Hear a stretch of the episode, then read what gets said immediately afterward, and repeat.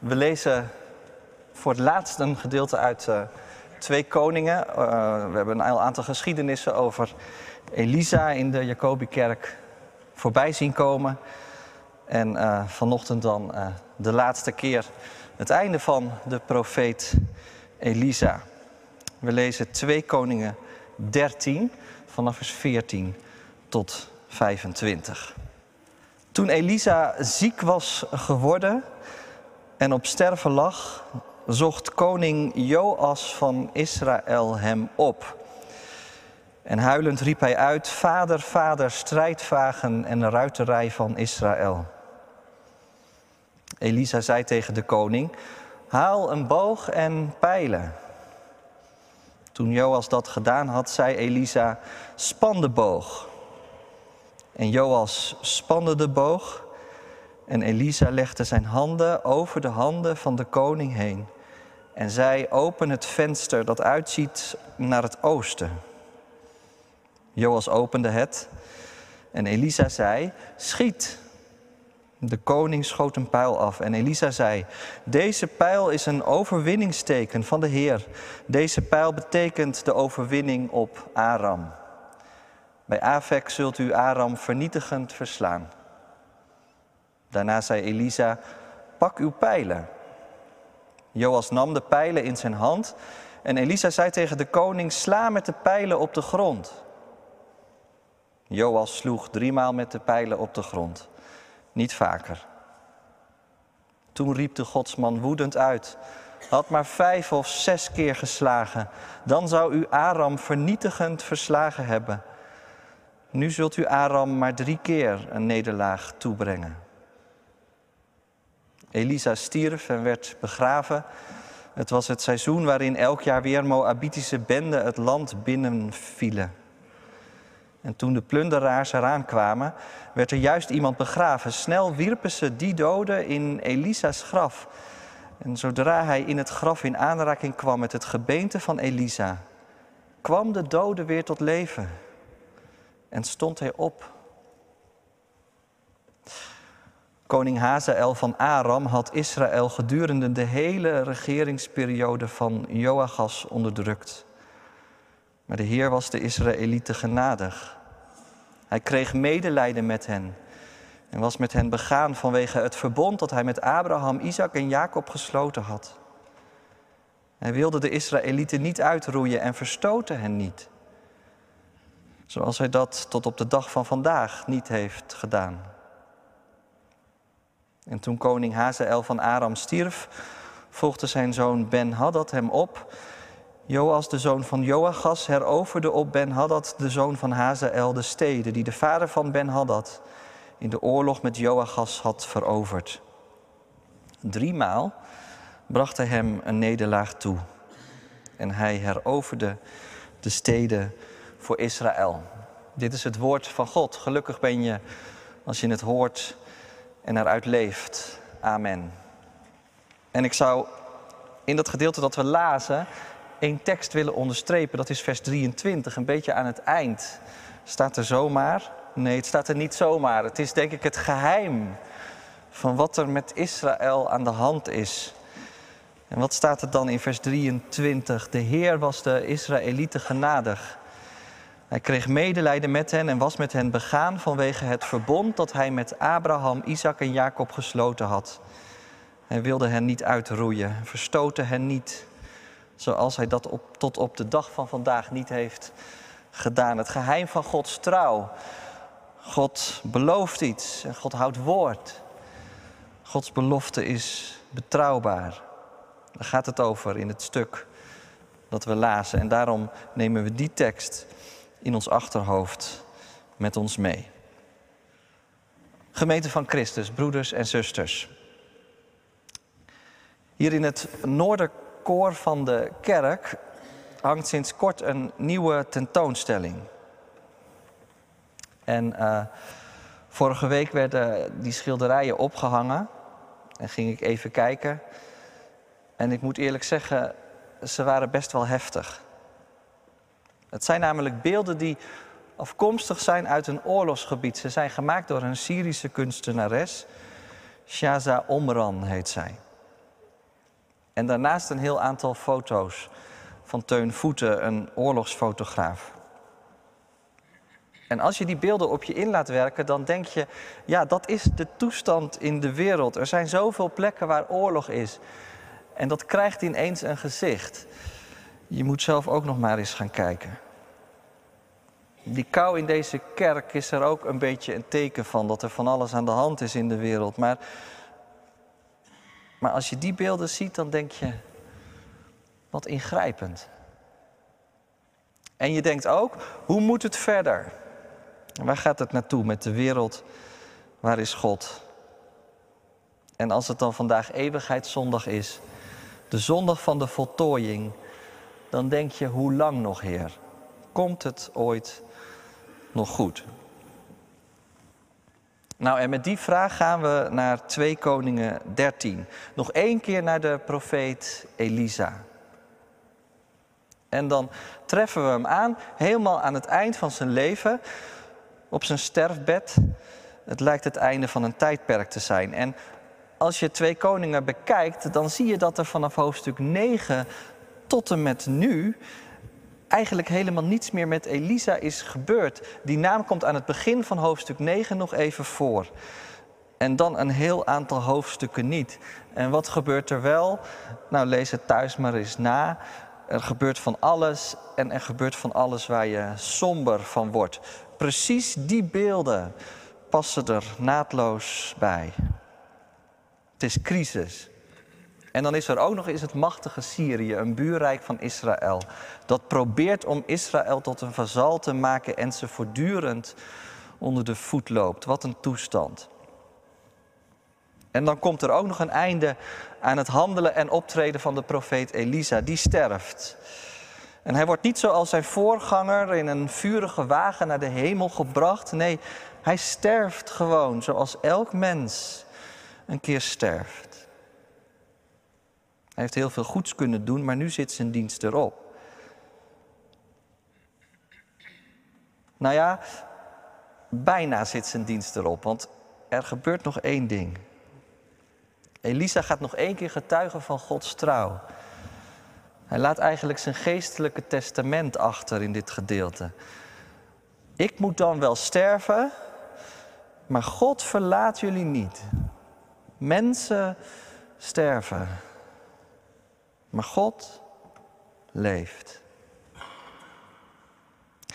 Dat is wel bijzonder.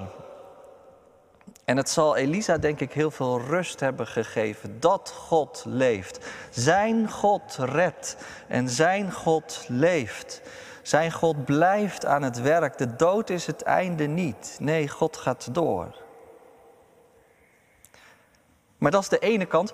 Aan de andere kant, Elisa, de profeet van God, die sterft toch echt wel. En het profetische woord van Elisa zal ook verstommen.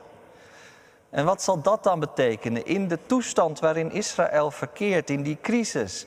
Als ook die woorden van Elisa, die toch steeds weer wat vreugde en wat hoop hebben gebracht, niet meer klinken. Ik dacht, het profetische woord klinkt vandaag in onze wereld op heel veel plekken, maar op heel veel plekken ook niet. En wat doet dat eigenlijk? Maakt dat verschil? Is het spreken van God daarmee ook verstomd? Zwijgt God inderdaad? Zijn de beloften van God uitgespeeld? Heeft de ellende het laatste woord? Nou, Elisa krijgt nog bezoek voordat hij sterft. En het is de koning zelf. En moet je horen hoe de koning hem benoemt. Elisa wordt mijn vader, mijn vader, strijdwagen en ruiterij van Israël genoemd. Je weet wel, die woorden die klonken ook bij Elia toen die vertrok.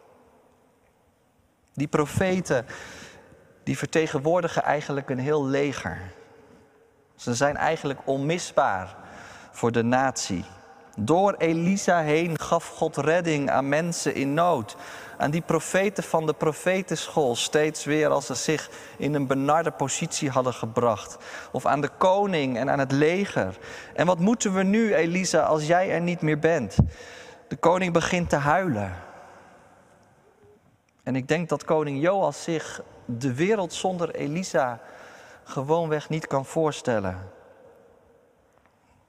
Kun je wel inkomen.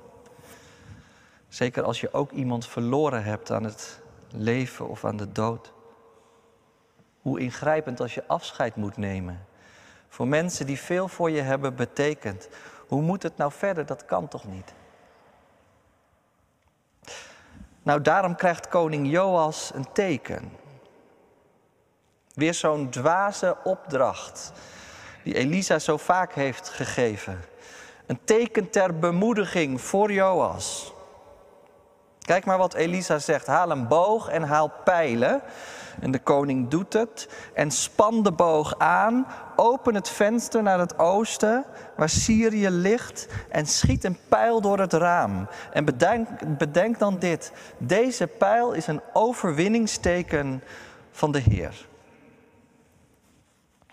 Ik zei het alweer, zo'n dwaze opdracht natuurlijk, want daar gaat het steeds over in deze verhalen. Over dwaze opdrachten. Het handelen van het geloof dat tegen de logica ingaat. Een dure pijl afschieten terwijl er geen vijand op dat moment te bekennen is. Hebben we ook heel vaak gezien. Graaf Greppels. Pak alle kannen en kruiken die je vinden kan. Zet de grootste pot op het vuur. Gooi meel in de soep. En hier pak je boog en schiet een pijl af.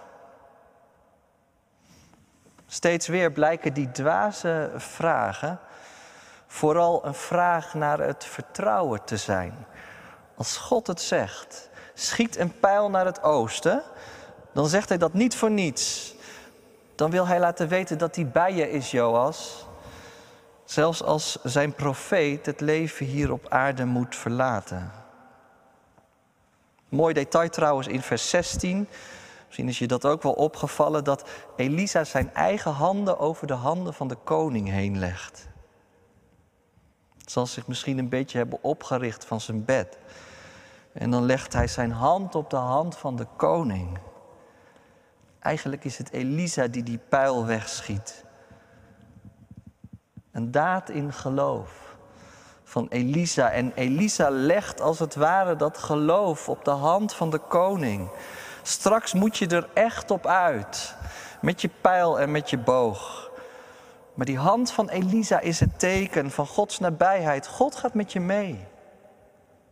God staat garant, in dit geval voor de overwinning. God laat je niet los. Een hand. Soms heb je van die mensen, hè? die hebben iets profetisch. Die gaan ons voor in het volgen van God. Misschien ken je ze wel. Die hand van Elisa over de hand van de koning. Ontroerend. Een arm om je schouder. Van een broeder of zuster, van een vriend of een vriendin. Een stem die tegen je zegt: je hoeft niet bang te zijn. Al gaat de storm tekeer. Al gaan de lichten uit. Leg maar gewoon jouw hand in die van onze Heer. Mooi. En toch loopt het in deze geschiedenis anders dan je zou verwachten. Want Elisa is hoopvol en hij is vol geloof en vol vertrouwen. Maar ineens slaat de stemming om. Is het je opgevallen? Ineens wordt Elisa boos, woedend zelfs, toornig staat er. Dat is het allerlaatste wat we over Elisa lezen. Zijn laatste woorden zou je kunnen zeggen. Woedend schreeuwt hij iets naar de koning. Elisa, die voor mijn gevoel toch altijd zo rustig en beheerst is gebleven. Een liefdevolle man, toch? Al die tijd. En nu ineens woedend tegen de koning. Waar heeft dat mee te maken? Nou, vooral met de reactie van Joas op die belofte van God. Want die is nogal matjes als je het verhaal leest. Nadat die pijl is weggeschoten, zegt Elisa tegen de koning: Neem nu je pijlen in je hand, een bosje pijlen en sla ermee op de grond. Opnieuw zo'n dwaze opdracht. Speelt Elisa een spelletje met de koning? Nou, bepaald niet. Het is hem absoluut ernst. Het zou kunnen dat het hier om een militaire gewoonte uit die tijd gaat. Een aantal keer hard met je pijlen op de grond slaan voordat je het slagveld gaat betreden. Beetje zoals je dat vandaag ook wel kan zien als een elftal elkaar een groupshug geeft voordat ze het stadion ingaan. Nog even vol enthousiasme laten zien dat je goede moed hebt. Maar bij koning Joas spat het enthousiasme er gewoon niet af. Hij pakt zijn bosje pijlen en slaat drie keer op de grond. Hup, hup, hup. Blijft een wonderlijke oude dwaas, heeft hij misschien wel gedacht. Maar ja. Er spreekt geen enthousiasme uit. Enthousiasme voor God? Nee.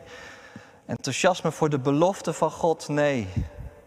Had toch vijf of zes keer geslagen, zegt de profeet. Je had het grote Syrië voor goed verslagen, maar nu niet. Het is eigenlijk wel een onthutsend einde van die geschiedenissen rondom Elisa. Joas is gewoon onverschillig. Nota bene een profeet van God. Heeft tegen hem gezegd dat hij de overwinning zal behalen. De garantie gegeven dat God met hem meegaat. Wat wil je nog meer? Maar het zegt hem niets. Hij heeft geen interesse in de trouw en de goedheid van God. Geldt trouwens voor al die koningen die voorbij komen, bijna allemaal. ging even over die dwaze opdrachten van Elisa, die steeds klinken. En wat je ziet is dat iedereen die zich daaraan toevertrouwt, gezegend wordt. Een belovende God die aan een gelovende mens voorafgaat. God belooft dingen. En wie het gelooft, mag erop vertrouwen dat God waarmaakt wat hij belooft. Bijvoorbeeld voor die arme weduwe met haar flesje olie. Ze moet van Elisa inderdaad al die kannen en kruiken pakken. En daarna moet ze het flesje leeggieten en het gaat maar door. Haar vertrouwen, dat wordt gezegend. Maar hier zie je de andere kant. Je kunt die belofte blijkbaar ook laten liggen. Er is in deze verhalen steeds sprake van een, een samenspel. Hoe wordt er op de opdrachten gereageerd? Hoe wordt er op de belofte van God gereageerd?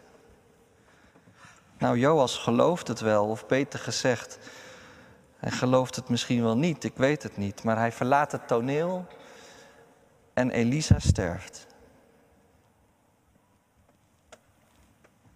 Maar wat mooi dat dat niet het einde is.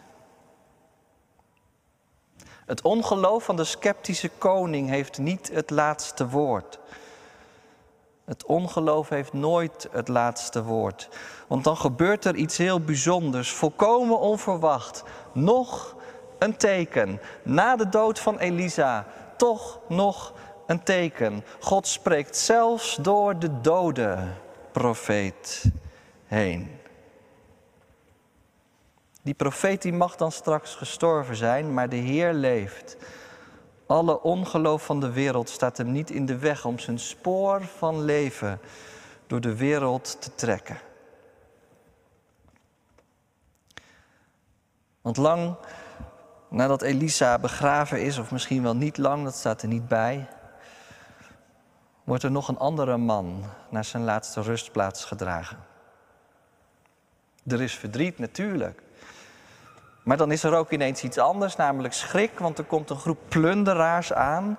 Kijk, roept iemand, een bende plunderaars, maak dat je wegkomt. En dan gooien ze het lichaam van de dode in het graf dat het meest dichtbij is. En laat dat nou precies het graf van Elisa zijn. En op het moment dat de twee lichamen elkaar raken, weer dat contact, komt de dode man tot leven. Dat komt niet door Elisa, want die is gestorven, maar dat komt wel door de God van Elisa, want die leeft nog steeds. En dat is nou precies waar het hier om gaat. Dat de levende God het laatste woord heeft. Niet de dood van Elisa, niet de onverschilligheid van Joas, maar wel die belofte. Van God die zegt dat hij erbij blijft, omdat hij leeft Omdat Hij het leven geeft. De vraag komt dan wel op je af vanmorgen of je het aandurft om met die God het leven weer in te gaan. Om vol enthousiasme met je pijlen op de grond te slaan. Misschien wel een beetje tegen de klippen op. Want er is zoveel om tegenop te zien. Maar toch, met Gods belofte durf je het aan. En dan zeg ik er nog één ding bij. En dat is dit. En dat is iets wat we eigenlijk steeds hebben gezien in de afgelopen weken. Dat die profeet Elisa op iemand lijkt. Namelijk op Jezus Christus. Daar is hij steeds weer het type van. Maar heel opvallend, hier aan het eind van zijn leven komt er toch een levensgroot verschil aan het licht. Want eeuwen later moet Jezus ook sterven. Hij sterft niet op een bed, maar aan een kruis. En wordt het letterlijk donker in de wereld. Mijn God, mijn God, waarom hebt u mij verlaten? Maar het blijft niet donker. Inderdaad, God is zijn volk genadig. Die lange lijn van die belofte die uitloopt op het licht dat opgaat. God blijft met de wereld begaan vanwege het verbond dat Hij gesloten heeft. En daarom klaart het op in Jeruzalem. En daarom wordt er na drie dagen opnieuw een graf geopend. Maar nu niet door een groep mensen op de vlucht, maar door een hand van boven. En daarom komt er iemand uit dat graf, Jezus Christus, een profeet en een priester en een koning, tegelijk. De garantie van Gods belofte voor wie in Hem gelooft. En weet je, dat mag ons nou steeds zoveel moed en hoop geven. Want als Jezus leeft, dan mag ik ook leven. Dan hoef ik niet bang te zijn dat God niet meer spreken wil. Zelfs als er zoveel om mij heen is dat me zorgen baart.